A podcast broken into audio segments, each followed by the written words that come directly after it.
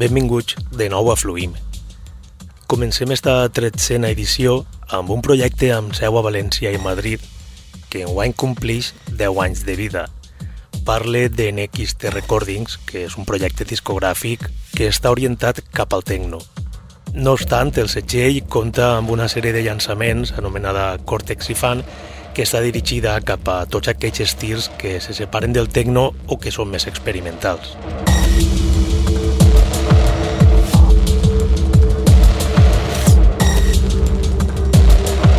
A finals de 2019, NXT Recordings publica la quarta referència de Cortex i Fan amb un àlbum que recopilava pistes de diverses autories i que, a més, es llançava en forma de casset, Dins d'este recopilatori trobem pistes de Sog, que és el propietari del Soy Records, de Squaric, que és el màxim responsable de Diffuse Reality, o també de Group, que és este projecte anònim que també ha publicat en altres setgells nacionals com pot ser Industrial Complex o el que hem nomenat abans Soy Records. Tornant a este llançament, també trobem una pista de Cid, Cid és el pseudònim de Karol Kazmierski, un artista polonès que porta actiu des de 2016 i que també és copropietari de Solemne Records. As Your Face Face Away és la pista que publica el polonès Cid en NXT Recordings.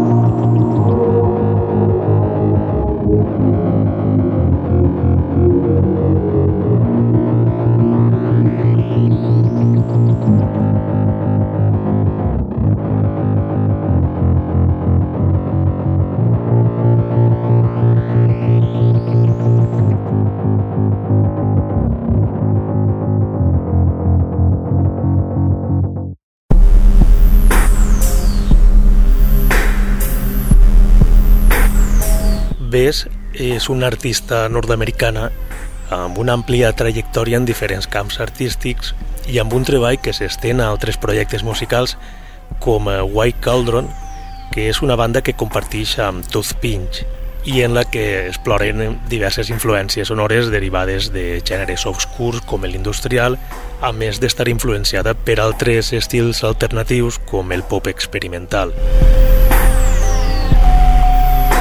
La versatilitat de Bess inclou activitats en altres disciplines artístiques com la dansa o l'escriptura, i en quant al camp musical, a més de ser compositora, també s'havida en el tractament del so.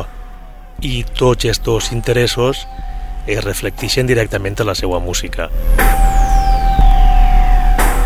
Ves publicar en 2021 Nou Cover, un àlbum amb un concepte basat en una de les grans tragèdies a què estem exposats a les nostres vides, la pèrdua d'una persona estimada i propera i el posterior estat emocional que s'experimenta. No Cover és un àlbum de 11 pistes amb un so en el que mostra influències de diversos gèneres musicals. A l'àlbum podem trobar clares referències al rock i també textures i ritmes sintètics que combinen amb la penetrant veu de Bess, així com la col·laboració del seu company Tooth Pinch en un parell de temes. Que escoltem Do You Know Where You're Going To?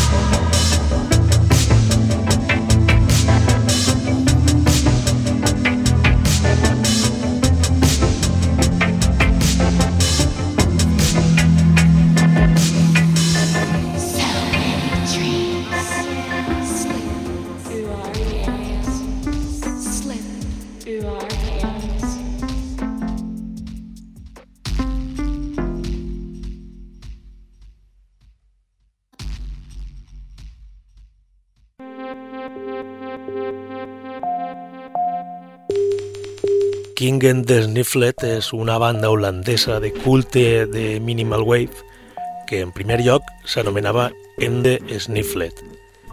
Va afegir King en honor al mestre del dab King Tabe.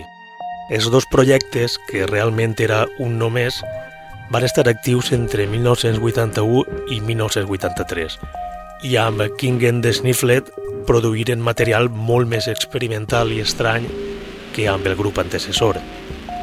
No obstant, encara que esta banda va estar activa uns pocs anys i als inicis dels 80, a partir de l'any 2000 reeditaren material en Trumpet, que és la discogràfica amb la qual havien publicat tot el seu treball. Estes reedicions es tornaren a portar a cap en 2018 i en esta ocasió Dimensions, que va ser l'únic àlbum que publicaren com a King and the Snifflet, va ser reeditat per Trumpet en forma de casset i per Artificial Dance en vinil. Wash Gronk és una pista que apareix a les dues versions. and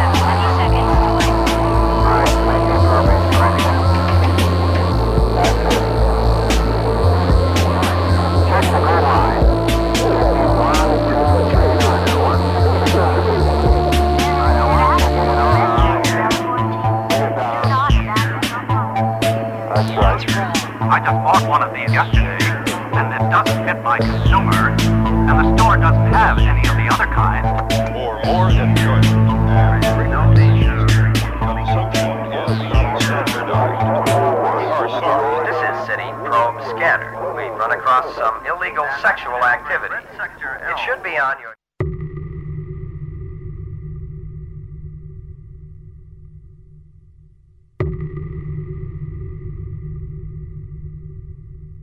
Fourteen Octaves Below és el projecte en solitari de Drake Moore, un artista de Vancouver que en poc menys de 4 anys ha aconseguit autoeditar diversos àlbums que mostren més de 15 anys de carrera.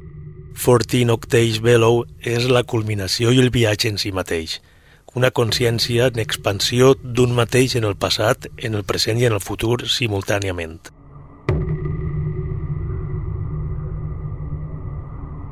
En abril del 2022, l'artista canadenc va publicar Cerquetre, el primer dels quatre singles que anticipen metaversos.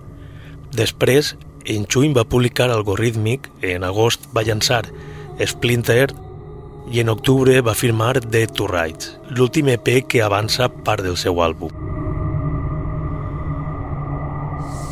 Metaversus és un llançament de 15 temes en el que l'autor mostra la seva preocupació per la desinformació sense precedents i per la manipulació mediàtica global a què estem somesos actualment, fent referència també a un nou ordre mundial i a l'esclavitud. Metaversus és un àlbum amb un so dur i extrem. Fourteen Octaves Below aborda esta opressió sistemàtica en la que es coarta la llibertat de l'ésser humà a base de ritmes potents, textures intenses i la desgarradora veu de Drake Moore. Metaversus és per al seu autor la banda sonora d'este col·lapse. Escoltem Ecos, tema amb el que col·labora Raven Rowalchild.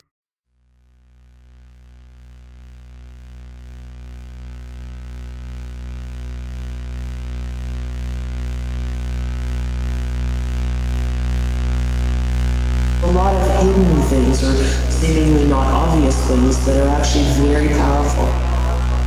Your set, is your mindset, your mind and body set. How are you in that moment? How are you coming? What are you bringing to the table? What is your commitment to this? Do you really want to heal? That's probably the first question that every healer should ask by moment decision, and each decision leads to an eventual materialization. As we hold all the potentials in our mind, as we hold all the potentials in our mind, all these timelines will open up.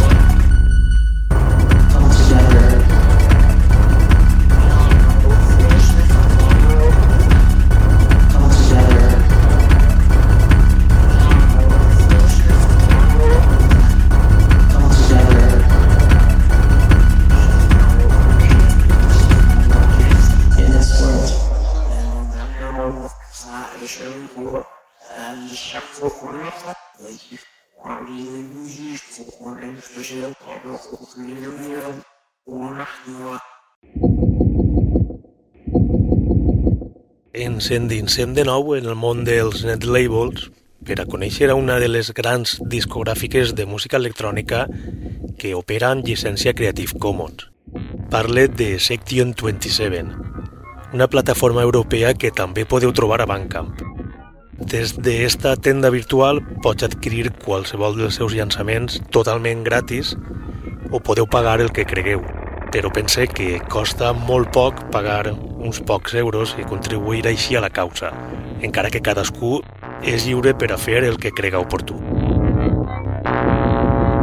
Section 27 és un net label escocès enfocat a l'electrònica, a l'electrònica avançada, a l'IDM, a l'industrial o també a altres estils experimentals. A més, els àlbums recopilatoris que publica són fantàstics tant pel volum de pistes com per la qualitat d'elles i sempre hi ha algun tema que s'enix del normal. A més, este tipus de llançaments sol barrejar pistes d'artistes consagrats i també d'artistes que no són massa coneguts. Section 27 o Section 27 publica el passat 27 de gener la segona i última part de Human i Human Master, un àlbum que recopila 35 temes d'artistes molt diversos. Curiosament, el primer volum d'esta sèrie de llançaments, que consta de dos parts, es va publicar en novembre de 2022 en el label rus Nenormalis Records. I precisament anem a escoltar a un artista rus de Sant Petersburg que s'anomena Ivan Lutkin i artísticament és conegut com a Potential Difference. 117 KRD és com es diu este tema.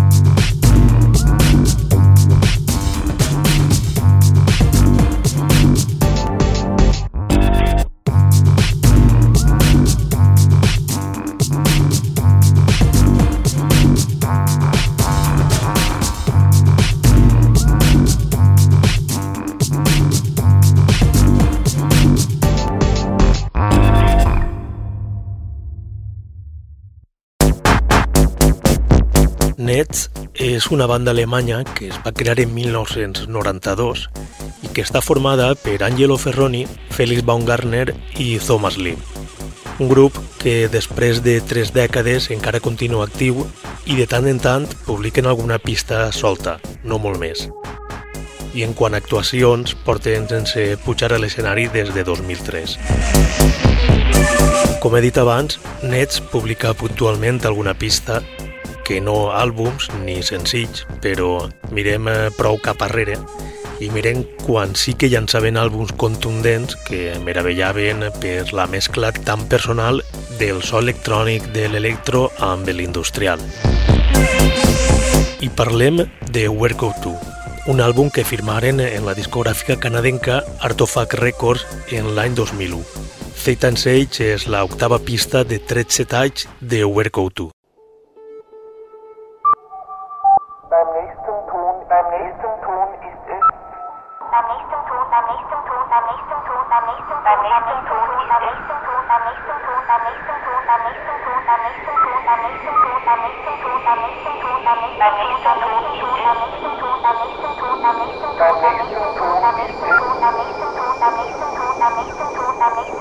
amazing.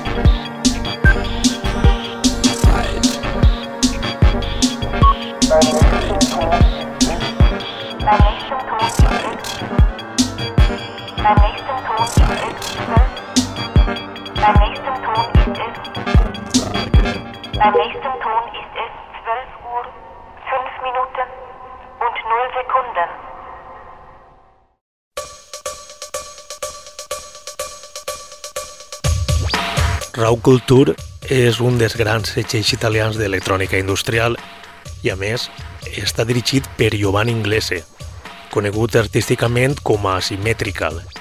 I per a qui no conega Symmetrical, que es preocupe en buscar la seva música perquè segur que li sorprèn. De fet, el nostre amic Alex Orco publicà fa uns mesos un àlbum de Asymmetrical en la seva discogràfica Feel Records. Un àlbum enorme, tornant a Rau Culture, ens quedem en 2021 per a parlar d'un projecte que es va estrenar amb este llançament i que a dia d'avui no tenen cap publicació més. Ells són Fontaine MC, dos artistes francesos dels quals desconeguem la seva identitat, però sí que sabem que tenen altres projectes amb altres noms i que solen estar dirigits a l'IDM o a l'electro. Res a veure amb I Was a Soldier, que és este àlbum que publicaren en Raw Culture. I Was a Soldier és una crítica social, sintetitzat amb un look dels 80 i amb un so cru. Una barreja de demència punk i de música de ball intensa. Computer Lies és el tercer tall.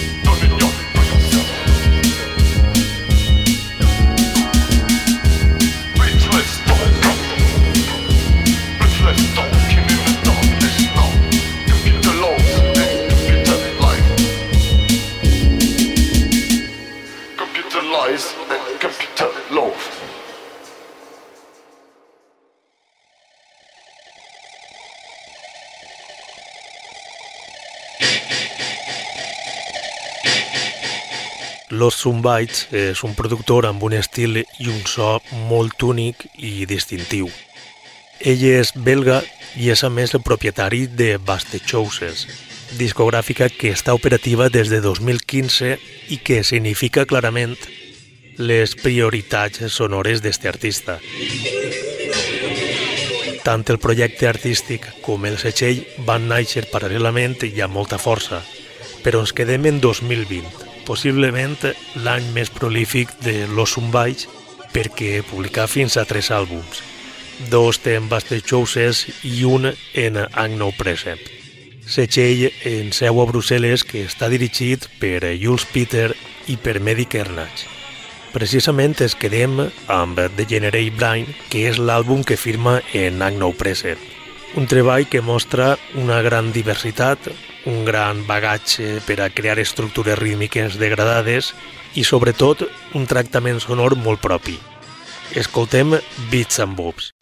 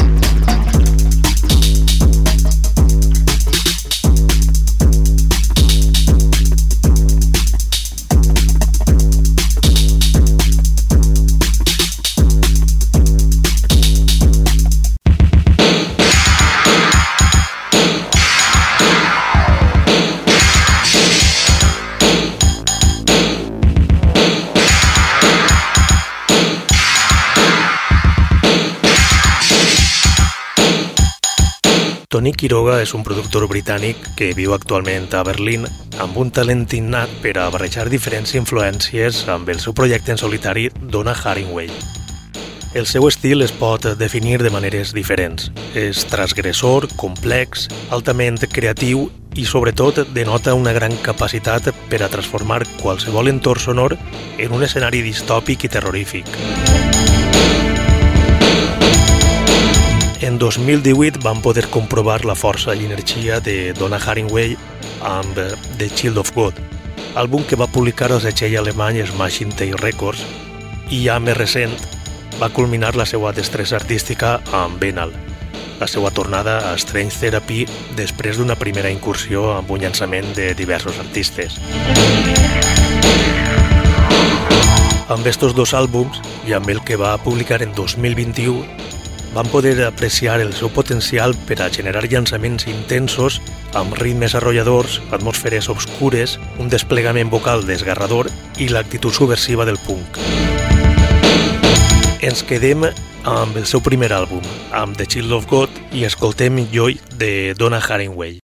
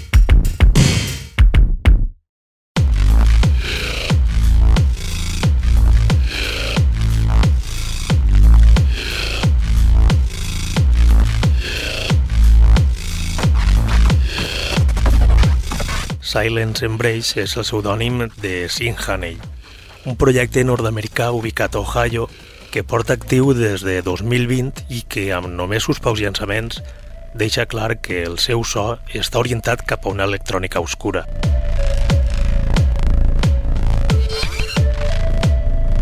Meta Queer Dollies és el seu treball més recent i podem dir que és un treball prou diversificat amb un estil experimental i amb influències tant de l'electrominimalista com de l'IDM, de l'EBM i també dels Bricks. Amb Meta Queer Dollies s'endinsa en diversos camps sonors amb una àmplia gamma d'influències. A la producció li falta polir-la un poc més, però les idees que mostra són molt interessants. Ja amb The House Awake acabem esta edició de Fluim. Vos espere la pròxima setmana. Salutacions de Ximo Noguera des del Cira Ràdio i també per a la xarxa d'emissores municipals valencianes.